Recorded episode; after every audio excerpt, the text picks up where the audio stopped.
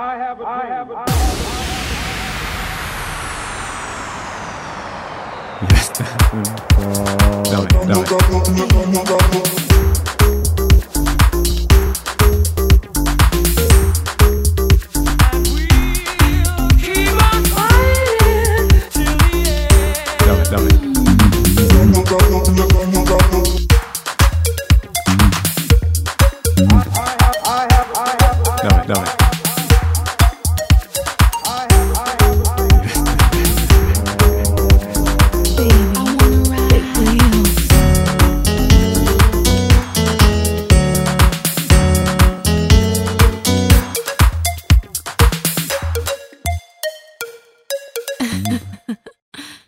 Są jakieś takie, wiesz, e,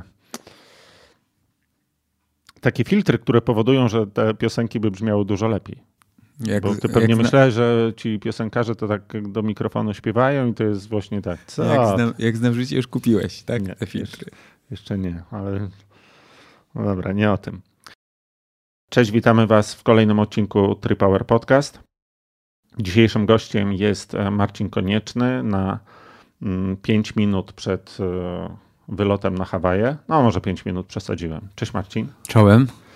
E, Ale, ale w każdym razie już na ostatniej prostej przed e, wylotem. Tak, nawet się spakowałem ostatni raz do samochodu z trenażerem w tym roku. No nie, no nie wiem, no w tym roku. Tak, no już nie będę trenował z trenażerem. A powiedz mi, na wyjazd już jesteś też spakowany? Nie, absolutnie. Wracam we wtorek z Wrocławia w nocy. Na szczęście odmówiłem piątkowego szkolenia. W piątek wieczorem przyjeżdżamy z Ewą do Warszawy. Gdzieś musimy wykombinować nocleg i jedziemy w y, sobotę rano. Lecimy właściwie. Bierzesz dwa warianty? Czy e, śnią ci się w nocy dwa, dwa warianty e, tego całego twojego bagażu? Śnią ci się w nocy te historie zaginionych rowerów, zaginionego bagażu, tej całej... No ponieważ ostatnio w 2012 roku, jak byłem, to nie dotarł mój bagaż, to w tym roku Emil kazał mi przeczytać swoją, swój artykuł na El Capitano, jak się należy pakować. W związku z tym w bagaż podręczny zabieram wszystkie rzeczy startowe. Buty startowe, buty rowerowe, jedną parę spodenek biegowych, strój startowy, okulary. A reszta leci z rowerem, no.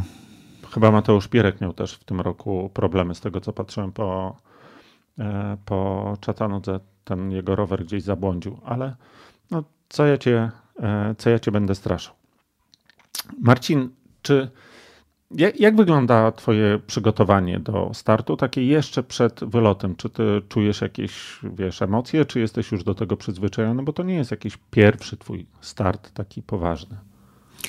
No, czy jestem przyzwyczajony? Chyba trochę tak. No, natomiast emocje są jak najbardziej. Chyba na razie bardziej związane z podróżą i to nawet nie z tym, że zaginie mi e, sprzęt, tylko bardziej, czy znajdę taksówkę, która mi weźmie ten rower rano e, i jak to będzie tam potem e, na lotnisku, jednym, drugim, trzecim i czy odbiorę samochód i czy z tym samochodem dojadę w odpowiednie miejsce, tym bardziej, że człowiek, od którego wynajęliśmy mieszkanie, jakoś tak mało sprzyjający jest i wymienia się ze mną takimi dziwnymi mailami. O starcie nie myślę na razie w ogóle, to znaczy nie myślę w tym sensie, żeby się denerwować, natomiast przeżywam ten start y, pod względem taktycznym na każdym swoim treningu Y, i ćwiczę, i odżywianie, i nawadnianie, i nie ma znaczenia, czy mi się chce pić, czy mi się nie chce pić, to po prostu co 10 minut łykam z bidonu.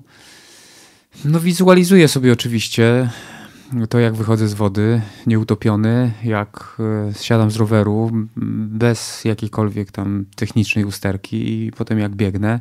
Pamiętam, jak to było 5 lat temu, jak dostałem w pierdziel, właściwie na każdej spośród tych trzech dyscyplin.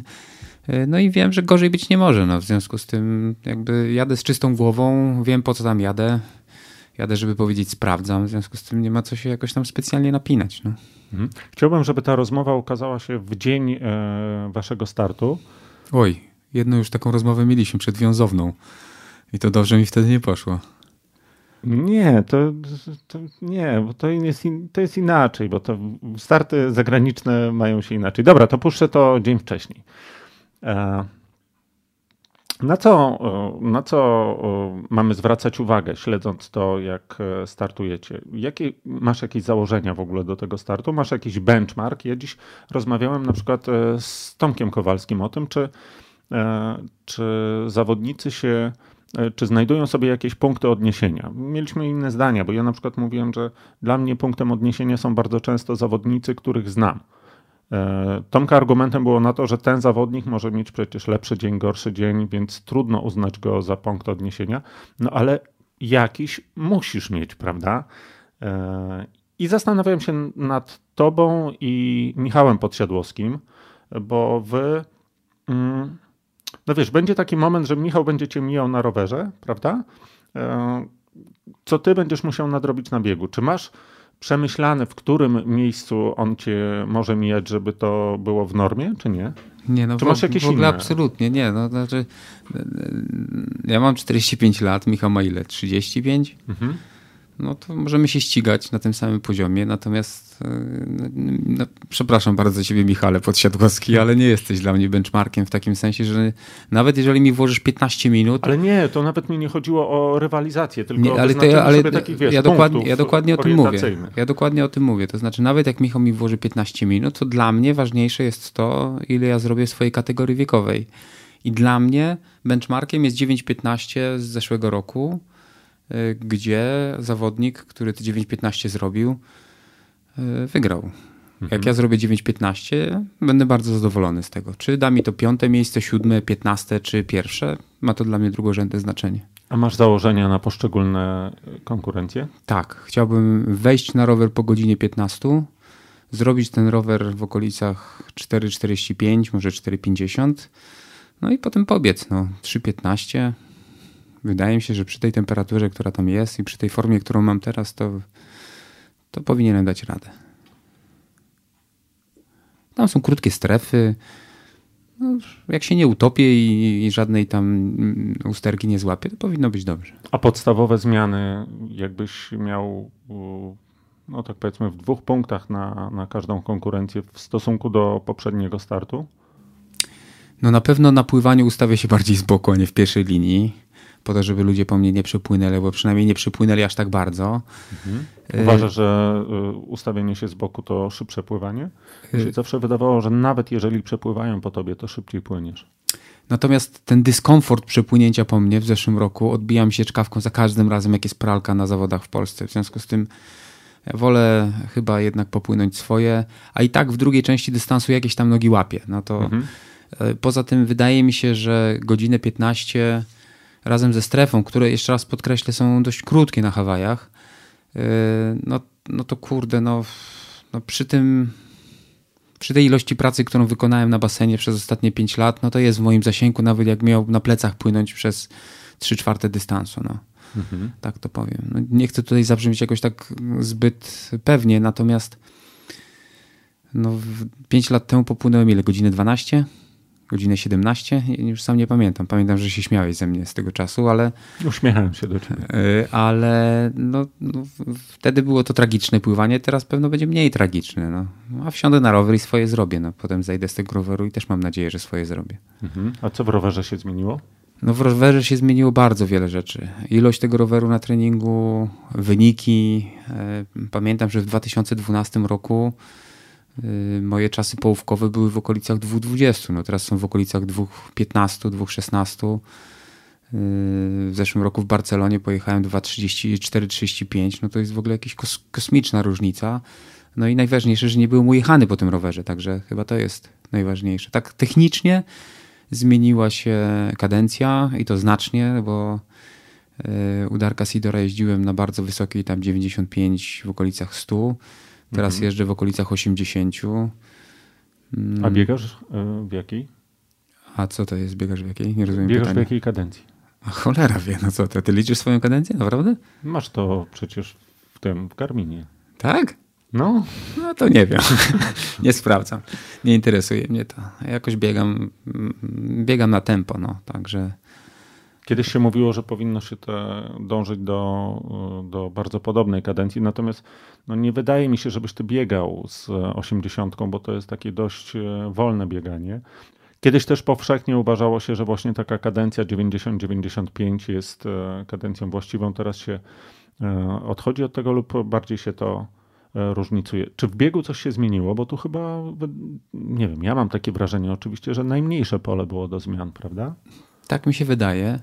Jedyna rzecz, która się zmieniła, to chyba większa świadomość tego, co w trakcie tego biegu musi się zadziać, w sensie odżywczym. Tak? Mhm. Bardzo mi się spodobał ten y, tekst y, Kuby Czai podczas y, waszego podcastu, jak Kuba powiedział, że Iron będą Mistrzostwa Świata w odżywianiu, czy też w jedzeniu i w piciu. I ja w tym roku zdałem sobie sprawę z tego, że nawet jeśli mam taką filozofię, że jak mam trening godzinny, to wychodzę bez niczego, a, a jak trening dwugodzinny, to też dam radę, to jednak trzeba przyzwyczajać organizm do tego, że od czasu do czasu tam coś wpadnie.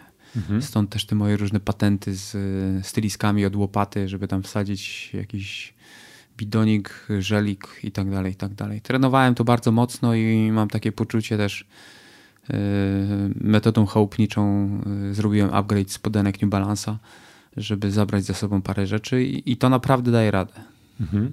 Natomiast jeśli chodzi oczywiście o prędkości i sposób trenowania, to tutaj się nic nie zmieniło. To znaczy dumny jestem z tego, że 5 lat po Hawajach w 2012 roku biegam na tym samym poziomie. Mhm. A zwiększyłeś, zmniejszyłeś kilometraż? No bo zwiększyłeś kilometraż na nie rowerze. Mam, nie mam zielonego pojęcia. Nie mierzyłeś tego, tak? Coś, nie, absolutnie. Mhm. Wydaje, wydaje mi się natomiast, że nie robię tylu godzin y, treningowych, co robią u Darka Sidora. Mhm. Y, spośród tych osób, y, z którymi się widziałem przed wyjazdem na, y, na Mistrzostwa Świata, wydajesz mi się dość świeży. Czujesz się świeżo? Się kąpałem przed chwileczką u ciebie, może dlatego.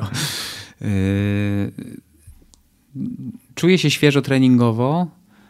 Nie czuję się świeżo, tak powiedziałbym, logistycznie, bo jak głupek dałem sobie po prostu nawsadzać pełno roboty tuż, tuż przed wyjazdem, no ale no, to jest moja praca, tak? To znaczy z, z tego żyję. Szkole w różnych miejscach i Polski, i świata. W związku z tym no, czasami to się logistycznie kłóci z tym, jak Tomek chciałby, żeby BPS wyglądał, no ale trzeba to godzić. No. Dlatego jadę tam dwa tygodnie przed, żeby przez pierwszy tydzień poleżeć sobie, naprawdę poleżeć i to tak, żeby, żeby zmęczyć się odpoczywaniem. Oczywiście wychodząc na treningi, ale tam żadnego zwiedzania i tam świrowania nie będzie. Natomiast po tygodniu przyjeżdża e, Kasia z Danielem, Y, bo y, zdecydowałem się na to, żeby ufundować wylot mojemu fizjoterapeucie za te wszystkie lata, kiedy mnie jednak dość mocno wspiera. Mm, no i co? No i potem tam pewno ze dwa, ze trzy dni pojeździmy, pooglądamy zastygłą lawę i wjedziemy na wulkan, a potem znowu będzie leżenie. Także o to jestem akurat spokojny, że spokojnie się tam wyśpię, przestawię się, wynudzę się, nabiorę z powrotem takiej, takiej chęci do tej logistyki startowej. Mhm. Dziś, jak e, jechaliśmy na to nagranie, zapytałem Ciebie, czy się spieszysz. To powiedziałeś, że no, tam chwilę się zawahałeś, że, że nie, że nie spieszysz się. Natomiast pamiętam takie nasze spotkanie może sprzed miesiąca, sprzed, sprzed kilku tygodni, kiedy skończyłeś trening. E, wykąpałeś się i leciałeś do Gliwic. Ja powiedziałem wtedy, chodź Marcin, nie wiem, 15 minut posiedzimy, E, wypijemy kawkę, a ty mówisz, nie, muszę lecieć do Gliwic, bo ja tam mam robotę. I czuć, czuć było w głosie wtedy taką, wiesz, taką złość. Ja to znam dobrze, e, dobrze ze swojego przypadku, wtedy, kiedy mam więcej pracy w sezonie, że jest tak dużo spraw, że tak naprawdę nie masz czasu na takie chwile luzu, i to, to powoduje, że to trochę cię zaczyna złościć. Czy te przygotowania do Irona rzeczywiście były takie wypakowane, wiesz, cała doba, od y, rana do wieczora? To jest tak, że ja mam pewne nienegocjowalne przestrzenie, jeśli chodzi o, o w ogóle życie. Ja się muszę położyć o 22 spać, mhm. po to, żeby o 6 wstać y, na trening, a jak nie, to się kładę o północy, bo na przykład tak jak wtedy, tak, no wyjeżdżałem z Warszawy o, o, nie wiem, o 20 no to do tych Gliwic kawałek się jednak e, jedzie. No to jeżeli położę się o północy, to na pewno rano nie wstanę już na basen, no bo tych 7, 7 godzin, no to jest taka rzecz, która jest absolutnie nienegocjowalna. Były lepsze i były gorsze tygodnie. O tych gorszych pisałem u siebie na blogu, więc tam Nawet Tomek napisał mi taki komentarz, że się spocił, jak przeczytał o tym jednym, bo to, jest, bo to był dokładnie ten tydzień. Mhm. o którym mówisz. Natomiast bez słodzenia, ale też te 15 minut ciebie wtedy przy kawce dużo mi dały do myślenia. To znaczy, że 15 minut to naprawdę, wiesz, no, w, w, w, holistycznym e, podejściu nie robi różnicy, a jednocześnie daje to bardzo dużą jakość właśnie związaną z tym, żeby przez chwileczkę się, się zatrzymać i no i właśnie nawet w spokoju kawę wypić, a nie e, pić ją na stacji benzynowej, e, parząc sobie język. No to tak to mniej więcej wygląda. No. Hmm. Marcin, Hawaje to jest taki dzień, kiedy rodzą się marzenia, bo ja pamiętam, że przecież większość z nas chyba jest, e, pojawiła się w triatlonie dlatego, że widziała takie inspirujące obrazki, prawda? Ja na każdej swojej prezentacji, jak mówię o Ironmanie, to zawsze zaczynam to od takiego filmiku, gdzie Craig Alexander wygrywał. To był filmik, który, który zobaczyłem, jak wygooglowałem Ironman Triathlon. I co byś e, radził tym osobom, które e, które mają właśnie takie marzenie jak Hawaje. Ja nie mówię o marzeniu typu Iron, bo to jest ogarnialne, prawda? I to się daje zrobić w ciągu roku. Natomiast marzenie typu Iron to już jest plan na kilka lat. No i trochę niebezpieczeństw. Ja dzisiaj, jak sobie o tym myślałem, to myślałem sobie tak, że to jest trochę tak jak, e, tak jak jakby to był nauk. E, a w zasadzie nie jak nauka, jak jakaś używka. Możesz, e, możesz mieć z tego sporo radości, jeżeli to jakoś tam kontrolujesz, a jednocześnie może ciebie to zniszczyć, jeżeli wiesz, nie zauważysz granicy. Jest sobie zawodnik albo zawodniczka, postanawia wziąć e, udział w Mistrzostwach Świata na Hawajach za 2, 3, 5 lat. Na co by się zwrócił uwagę takiej osobie, żeby na co uważała? W 2007 roku e, postanowiłem sobie, że ukończę Ironmana w limicie czasu. Jak wygrałem Borówno w 2009, to uświadomiłem sobie, że realne jest to, że się zakwalifikuję na Hawaje, e, ale perspektywa e, roku 2010 i kolejnych, bo marzyłem o tym, żeby się zakwalifikować na Hawaje w 40 roku życia, się nie zmieniła. To znaczy, ja nawet wygrywając Borówno i, i robiąc 9-15 w Klagenfurcie, ja nie chciałem się wtedy zakwalifikować na Hawaje. Powiem więcej, ja wtedy z Ewą pamiętam, że jechaliśmy już z Klagenfurtu, jak zadzwonił ktoś, nie pamiętam kto, że wyczytują mnie ze sceny, bo jest roll down, czyli już w 2009 mógłbym się na Hawaje zakwalifikować, ale nie chciałem, no bo po pierwsze chciałem mieć kwalifikację bezpośrednią, a po drugie yy, no, pomyślałem sobie, że to trochę jest chyba za wcześnie. Mm, jestem oczywiście w tej szczęśliwej sytuacji, że nie musiałem wyrywać tego zębami. Natomiast jeżeli ktoś stawia sobie cel, żeby zrobić to za 5 lat, to uważam, że największe niebezpieczeństwo, jakie się może wydarzyć i też chyba największa głupota, przepraszam za to, co powiem teraz, polega na tym, że niby chcemy to zrobić za 5 lat, ale tak naprawdę liczymy na to, że się stanie to w kolejnym starcie. Ja uważam, że perspektywa pięciu lat nie oznacza, że my nie powinniśmy startować co rok, ale nie powinniśmy być rozczarowani tym, że jeżeli chcę się zakwalifikować w 2023, teraz mamy 17, tak?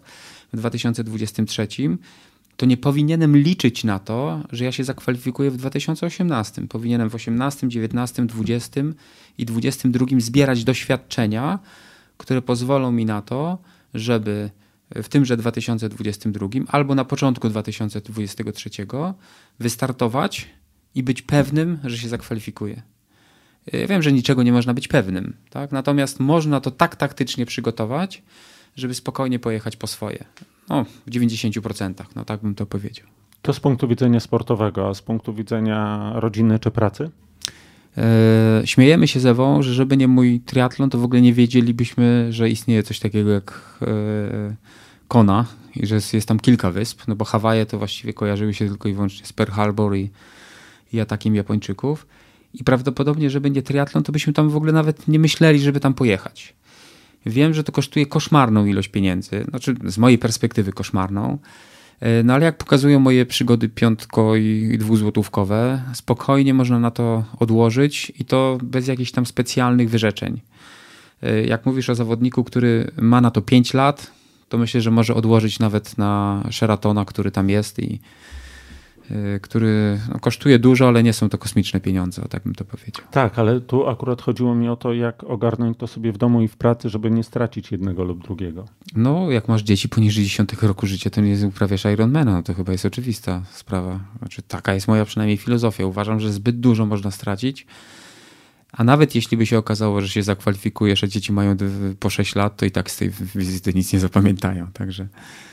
Tak. Także tak. No dobrze, a mm, wiesz, zapomniał wół, jak cielęciem był? Czy ty nic nie robiłeś, jak e, dzieciaki były poniżej 9 roku życia?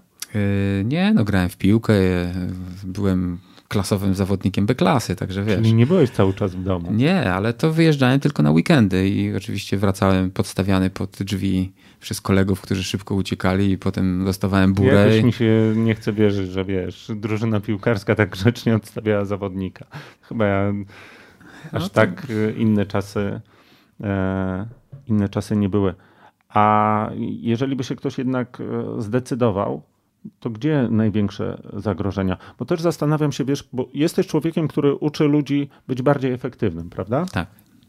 Czy zauważasz u siebie, że czasem nie postępujesz według tego, jak uczysz, albo że podchodzisz jakoś za blisko tej granicy? Czy, czy świadomość tego, jak postępować, pozwala ci się utrzymać e, w takich ryzach?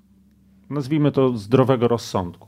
Myślę, że zdrowy rozsądek tracę tylko przy torcichach wedlowskich i przy słodyczach. E, e, raczej staram się nie naruszać pewnych granic. Wiem, gdzie one są. Wiem, w którym momencie foch mojej żony będzie nie do wytrzymania. W związku z tym, nawet jeśli przegnę w jedną stronę, to natychmiast odginam to, odginam to w drugą. Mm, nie, to znaczy, to, to nie jest tak, że to, czego uczę, nie ma zastosowania u mnie.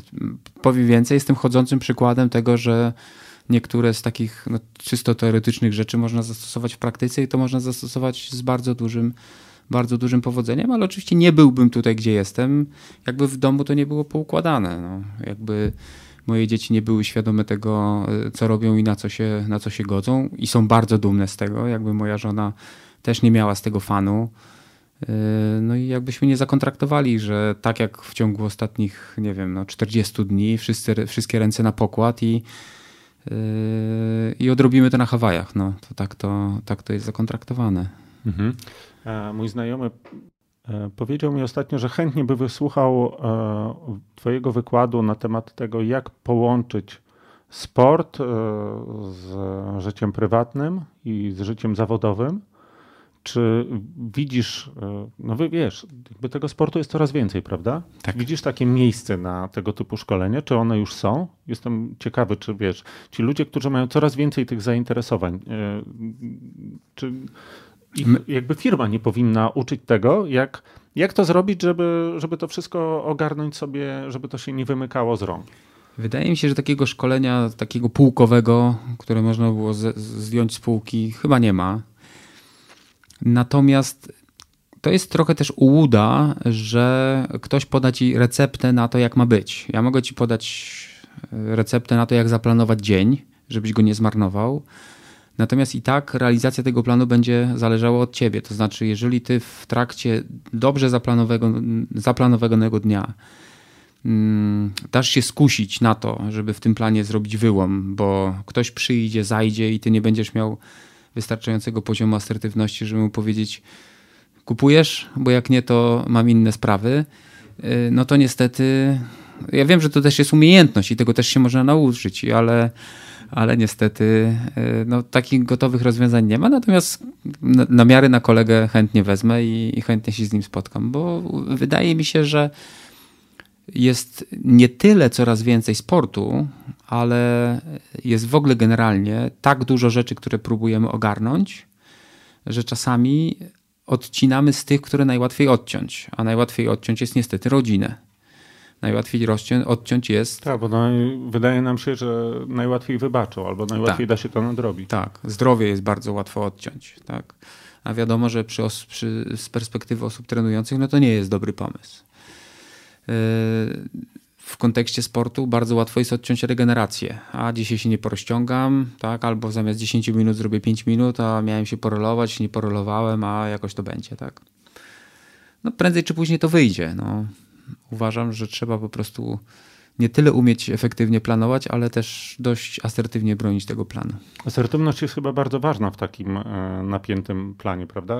Też e, czytam książkę teraz, e, nie wiem, Esencjalista chyba, taki jest tytuł. No, jest coś takiego o takim ograniczaniu sobie tych wątków życiowych, żeby się skupić na, na tych najważniejszych i tam to ta umiejętność mówienia nie jest bardzo jest bardzo eksponowana. Cały dzień zapchany treningiem takim triatlonowym i pracą. Czy masz takie momenty, że zastanawiasz się, czy to warto robić? Nie. Ten cel jest. Y, nie, cel jest tak bardzo klarowny, że absolutnie się nie zastanawiam. Y, powiem więcej. Wiem, jak będą wyglądały następne lata, to znaczy, jak to będzie wyglądało w 18, 19, 20, 21 i 22, bo w 22 chcę zostać mistrzem świata. E, kręci mnie to absolutnie, w sensie takim, że nie zmuszam się do niczego. Oczywiście no, są chwile, kiedy nie chce mi się wyjść na trening, kiedy, nie wiem, przekładam pływanie z rana na, na wieczór i wiem, że to się kłóci ze wszystkimi szkołami, ale trudno. No. Wolę poleżeć w łóżku e, z małżonką. I yy, zdaję sobie sprawę z tego, że takie fale motywacji są czymś naturalnym. To znaczy, wydaje mi się, że gorzej byłoby, jakbyśmy ciągle żyli na takim haju, takim, y, takim niezdrowym pobudzeniu pod tytułem hura, hura, idę na trening. Tak? Mhm. Y, ostatnio popełniłem taki tekst, który właśnie mówił o tym, że przy okazji już naprawdę ściany, to chyba dobrze jest pomyśleć o tym, że to jest trochę taka sytuacja wykonywania zadań, które w robocie są niekoniecznie przyjemne, ale ktoś je musi zrobić. To zwykle jesteś ty, tak? No po prostu wykonujemy je, bo wiemy, że jeżeli ich nie zrobimy, no to albo ktoś nas opieprzy, albo nie dostarczymy czegoś, co będzie skutkowało brakiem czegoś tam jeszcze.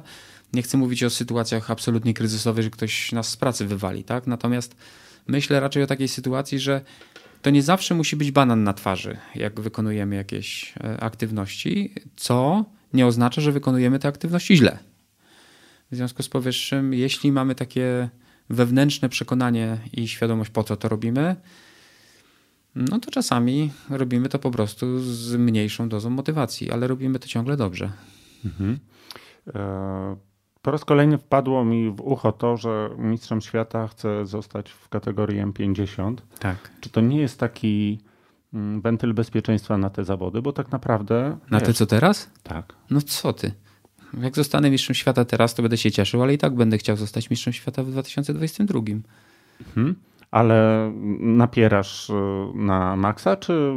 Nie, no absolutnie, napieram na maksa. No, nawet, nawet jakbym naprawdę dostał tam w pierdziel w takim znaczeniu, że nie wiem, zrobię 9-15, a będzie to 20 miejsce, to chyba nawet jeszcze lepiej, bo jeszcze bardziej mnie to będzie motywowało do tego, żeby nie usiąść na laurach, nie osiąść na laurach, przepraszam. Mhm. I tym 2022 no, się mocno zmobilizować. Marcin, pamiętasz, jak ja się zdziwiłem e, jakiś czas temu, e, jak widziałem ciebie, że masz czas na czytanie książki. I to był jakiś kryminał. To nie była żadna książka sportowa, to nie były raporty do pracy i tak dalej. Czy e, tego typu rzeczy w takim zapchanym dniu osoby uprawiającej triatlon na długim dystansie, bo to rzeczywiście zabiera bardzo dużo czasu, czy masz to z definicji, że musisz sobie taki czas na to przeznaczyć, czy to przychodzi jakoś e, naturalnie? E, innymi słowy, czy, czy ten czas na przeczytanie tego mm, kryminału ma być nawet kosztem jakiejś pracy niedokończonej, którą trzeba zrobić jutro? Nie, ja po prostu mam taki nawyk, że jak idę spać, to czytam. Czasami no tak, ale to się minut. czyta rzeczy z roboty, albo się uzupełnia Excela, albo robi się no coś proszę takiego. Nie, nie, nie. No, ja mam, ja mam taką zasadę, że po 20 nie trenuję. Znaczy mogę zacząć trening przed 20, no ale zwykle tak, tak, tak, tak się na szczęście nie układa. Teraz wróciłem z targów rowerowych z Kielc i nie chciało mi się stawać o czwartej rano, żeby zacząć rower, bo miałem 4 godziny roweru. W związku z tym pierwszy raz chyba w historii dziesięcioletniego uprawiania e, sportu skończyłem trening po 22.15. Dokładnie 22.16 i to było dla mnie naprawdę wydarzenie epokowe. Mm, ale pomyślałem sobie, że to w ogóle nie jest moja bajka. E, no bo ten organizm był tak pobudzony, że naprawdę trudno było, trudno było potem zasnąć. Nie wiem na przykład jak Michał może po prostu o drugiej w nocy kończyć treningi i potem rano normalnie funkcjonować. E, dla mnie czytanie książki i w ogóle takie wyciszenie się po godzinie 22 jest absolutnym, nienegocjowalnym po prostu celem życiowym. Tak? Znaczy, trzeba według mnie oddzielać sferę prywatną od tej sfery takiej, powiedziałbym, no nie, nie chcę powiedzieć, że triatlon jest czymś zawodowym, bo nie jest, no ale on jest jakimś tam obowiązkiem. Tak? Mhm. Tak? W związku z tym, jak kładę się spać, no to biorę książeczkę, bo uwielbiam czytać. Y, zdarza mi się czasami po prostu czytać na trenażerze. Y, no i wtedy zapominam o wszystkim. No.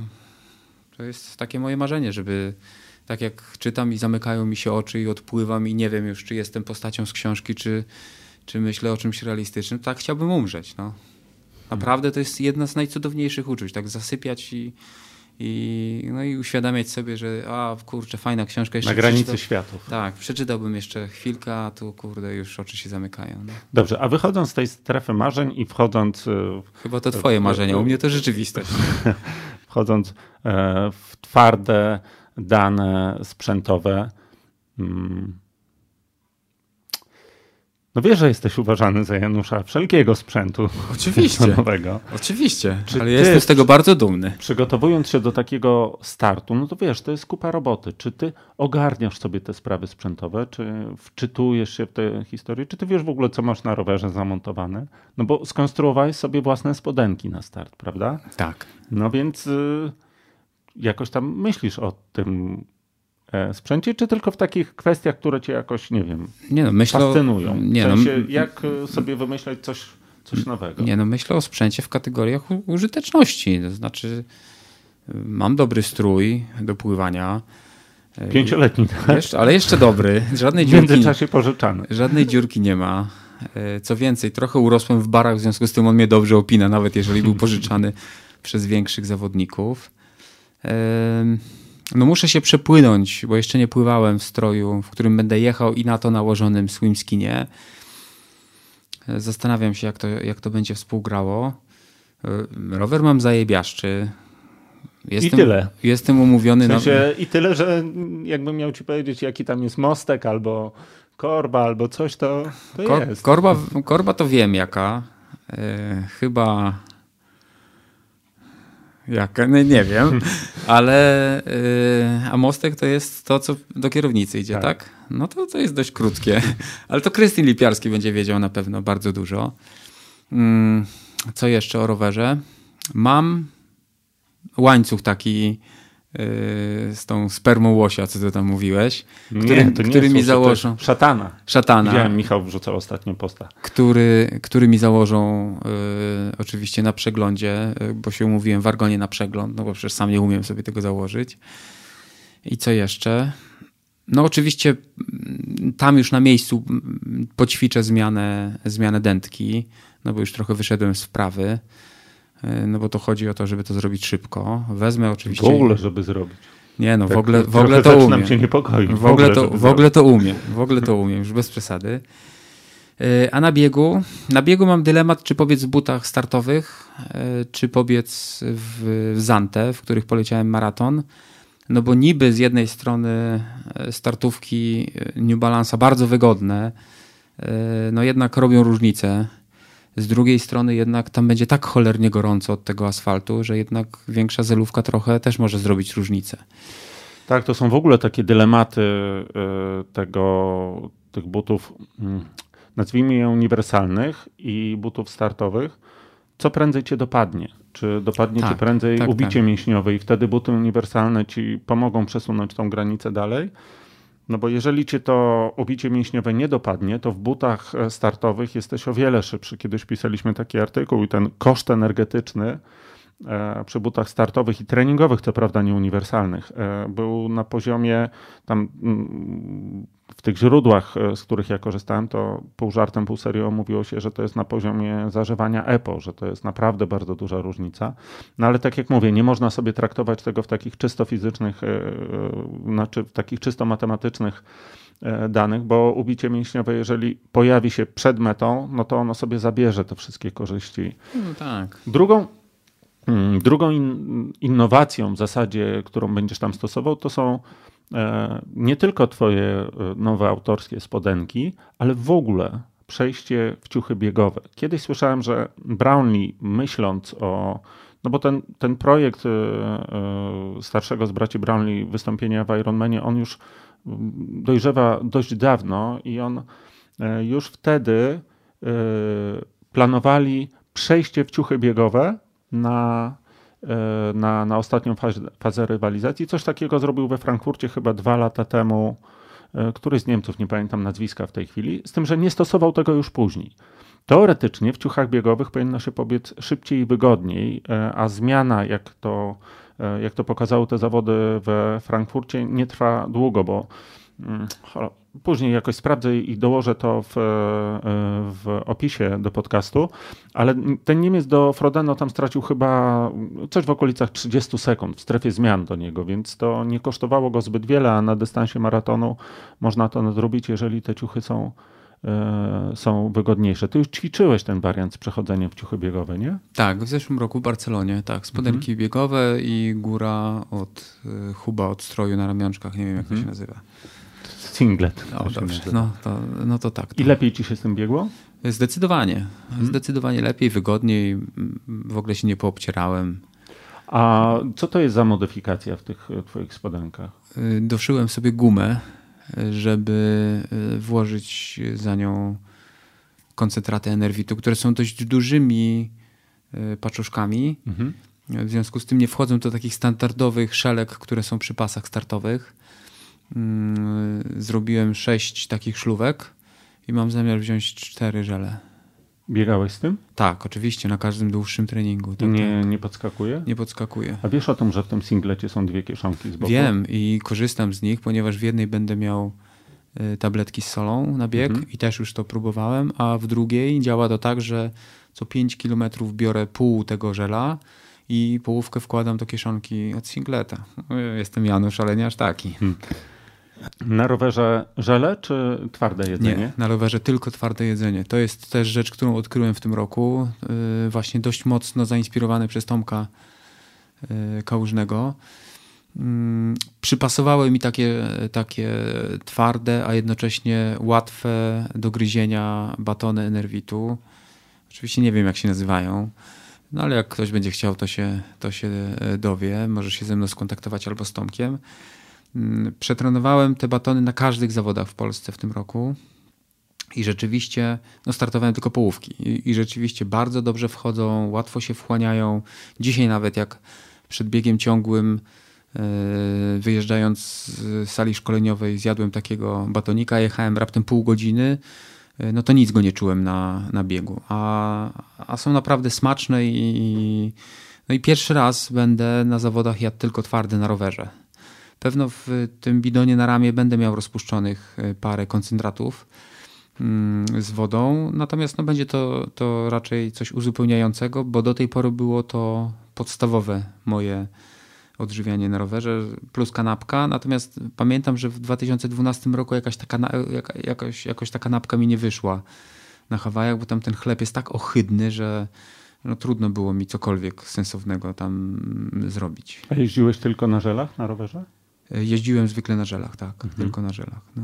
I potem no to taka klasyka, już nie mogłem na te żele patrzeć, już no było właśnie, mi Tak się zastanawiam, bo wiem, że też Michał jeździ tylko na żelach, Olga e, Kowalska też jeździ e, wyłącznie na żelach, a ja jakbym miał tak mm, pojechać całego Irona, to kwas, który by mi się cofnął z żołądka, by mi chyba zalał, bo to nie, nie daje rady tak dużo, nie daje rady tak dużo żeli jeść. Co po Hawajach?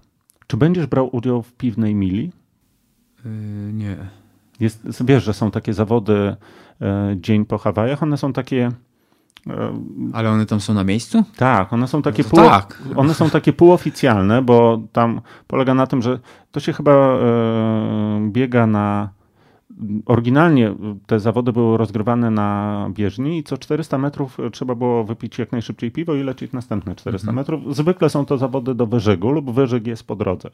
No ale w związku z tym, że to jest publiczne picie alkoholu, no to w Stanach jest to oczywiście nielegalne, ale takie zawody są e, rozgrywane dzień po. Dzień po czy dzień przed? Chyba dzień przed, wiesz? I No tu to jest, nie, to chyba jest nie, to chyba nie wezmę.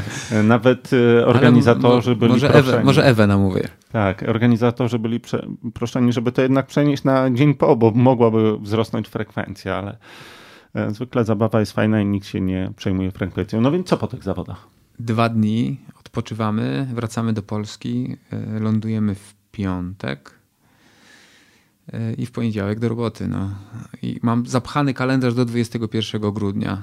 Naprawdę, to jest rzeczywiście coś z jednej strony fascynującego, no bo klienci dzwonią i pytają, kiedy wreszcie konieczny będzie mógł nas szkolić, bo chcemy. No ale z drugiej strony moja żona kręci nosem, no bo prawdopodobnie w niejedną niedzielę będę wyjeżdżał do roboty, czego bardzo, bardzo nie lubi. Yy, No i pewno do listopada odpoczynek. 4 listopada to już teraz oficjalnie wszystkich informuję, że buratlon. Yy, Potem prawdopodobnie sezon zacznę znowu od biegu mikołajkowego. No i przez zimę będę się szykował do złamania 2.30 w maratonie. Hmm, nie odpuszczasz? Nie, A gdzie będziesz chciał to zrobić? nie wiem jeszcze. Jeszcze Wydaje mi się, że chyba nie w Warszawie. Ale koncepcja startu zagranicznego, na który cię kiedyś e, namawiałem, czy jakiegoś krajowego? Raczej zagranicznego. Raczej zagranicznego. Ja sobie patrzyłem teraz też na Warszawę, wiesz, i e, w Warszawie też była dość duża luka pomiędzy czołówką, a takimi zawodnikami 2,35, 2,40. Tam po prostu nie za bardzo, bo to było kilka osób e, z tego, co patrzyłem na wynikach. To jest problem trochę, e, trochę naszych polskich biegów, że właśnie w okolicach 2,30 nie za bardzo jest z kim biegać. No albo sobie załatwię jakiegoś zająca, no bo to tak przecież też można zorganizować. No. No tak. E, urodziny e, na Hawajach.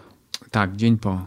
Znaczy nie wiem jak to jest z przesunięciem czasowym, ale 14 jest start, a 15 mam 45 urodziny, tak. Jest zaplanowana jakaś impreza? Jeszcze nie. No, nie wiadomo, czy impreza nie będzie polegała na tym, że będę płakał nad tym, jak mi poszło. No. Ale będę płakał tylko i wyłącznie wtedy, kiedy wydarzy się coś, co będzie nieprzewidziane. To znaczy, albo coś się stanie z rowerem, albo ktoś mnie podtopi i się zeżygam tam od tej yy, słonej wody, albo złapię tfu, tfu, tfu, nie daj Boże, jakąś kontuzję. Ponieważ uważam, że każdy, kto ukończy dystans Ironman, z takim zmęczeniem mięśniowym, jak towarzyszy każdemu, absolutnie powinien świętować każdą chwilę, niezależnie od tego, czy to będzie 12 godzin, czy to będzie 9 godzin, czy to jest 10 godzin. To znaczy, ja mam też tak po maratonach. Nie ma znaczenia, czy zrobiłem życiówkę. Dumny jestem z tego, że tak mnie wszystko napierdziela. No. Bo to są naprawdę fascynujące przeżycia i yy, no nie dziwię się, jak po Ironmanach zdarza się, że dzwonią do mnie moi koledzy z płaczem, po prostu 40-latkowie i mówią, słuchaj, jestem taki z siebie dumny, że ukończyłem Ironmana. A nie ma znaczenia, ile mi to zajęło. To, no, Tak to wygląda. I to ja myślę, że w ogóle bardzo często powinniśmy e, zatrzymać się na chwileczkę przy, e, przy tym, żeby pocelebrować trochę ten start, który mieliśmy. Czy to jest start na piątkę, czy to jest start na ćwiartka Ironmana, czy na pełnego, bo to są takie punkty, do których dążymy i bardzo często skupiamy się już na kolejnym punkcie, w ogóle nie zastanawiając się nad tym, co minęło. A to było coś fajnego, warto przez chwilę, e, warto przez chwilę jeszcze o tym e, pomyśleć. E, Marcin, czy ty jesteś przesądny? Mm, Tak. A co? Nie, tak tylko pytam, bo zastanawiam się, czy masz jakieś, wiesz, te rytuały przedstartowe. Nie, czy to czegoś, oczywiście e, mam pełno rytuałów przedstartowych. E, A czy na trasie, e, bo to jest też rzecz, którą dziś usłyszałem, że na trasie zwykle zawodnik wizualizuje sobie rzeczy w czarnych barwach. Czy tak to jest z tobą, czy, czy raczej widzisz, że wow, jest fajnie, czuję się świetnie? Nie, ja to yy, szczególnie na tej części biegowej odliczam sobie ilość do końca yy, z prędkością 5 minut na kilometr. To znaczy według... Cieszysz się przy każdym kilometrze, że, że jest, jest trochę szybciej. Tak, tak. To znaczy dla mnie prędkość 5... 300% normy. Tak, dla mnie prędkość 5 minut na kilometr to jest no, taka prędkość, którą no nie chcę nikomu tam znowuż nikogo deprecjonować, ale to jest taka prędkość, no powiedziałbym spacerowa, no, w mhm. sensie takim, że ja biegałem 5 minut na kilometr, jak miałem 12 lat, 17 lat i teraz jak mam 45 lat. Yy, w związku z tym za każdym razem, jak nie wiem, jest 12 kilometrów do końca, to myślę sobie jeszcze godzina. Tak? Jak jest 6 kilometrów, no to myślę sobie pół godziny. Fajnie jest mieć taki handicap, yy, taką, jak to nazwałeś, prędkość przelotową, no bo wszystko, co jest poniżej, no to jest oczywiście yy, na naszą korzyść. No. A wiesz, że ja sobie dzisiaj ten swój długi bieg tak liczyłem, że e, no dobra, teraz jest e, tyle i ja to nazywam prędkością najgorszego, najgorszego wariantu, że nawet jeżeli dobiegnę te, te, akurat dzisiaj przeliczałem to sobie na piątki, bo to nie był jakiś tam e, taki, nie był to tak długi dystans jak, jak Iron, prawda? E, ale często też mam tak na maratonach, że biegnę maraton i nie, nie patrzę, czy jestem go e, w w założonym czasie, tylko co się stanie, jeżeli ja pobiegnę piątkę. No, no i wiesz, najgorszy wariant. No. Oczywiście im wcześniej sobie tak myślę, ten, ten wariant jest e, bardziej tragiczny, ale z czasem on się robi coraz bardziej optymistyczny, coraz bardziej optymistyczny. Także no nie do końca też się tutaj zgodzę z tym, że, że zwykle się wizualizuje e, czarne, czarne myśli jakieś. Marcin, będziemy trzymać kciuki. Proszę bardzo. Hm. Dziękuję bardzo. Dziękuję bardzo za rozmowę. E, i do zobaczenia po Twoim powrocie na, e, na Buratlonie. Dobrze, zapraszam Cię bardzo serdecznie. I wszystkich. No wszystkich to nie za bardzo, ponieważ chciałbym mogą... przypomnieć, że jest to impreza na zaproszenia. A e, kibice mogą stać za parkanem i, i kibicować bez? No, jeżeli zapłacicie prezesowi, to może jakąś tam jakieś zaproszenie dostaniecie. Mówiąc zupełnie serio, Buratlon jest to impreza, w której chcemy podziękować wszystkim, którzy wspierają nas we wspieraniu funduszu lokalnego oraz dzieci ze Szklarskiej Poręby. Mhm. Co de facto oznacza, że jeżeli w jakąkolwiek akcję się zaangażowaliście, zapraszamy bardzo serdecznie.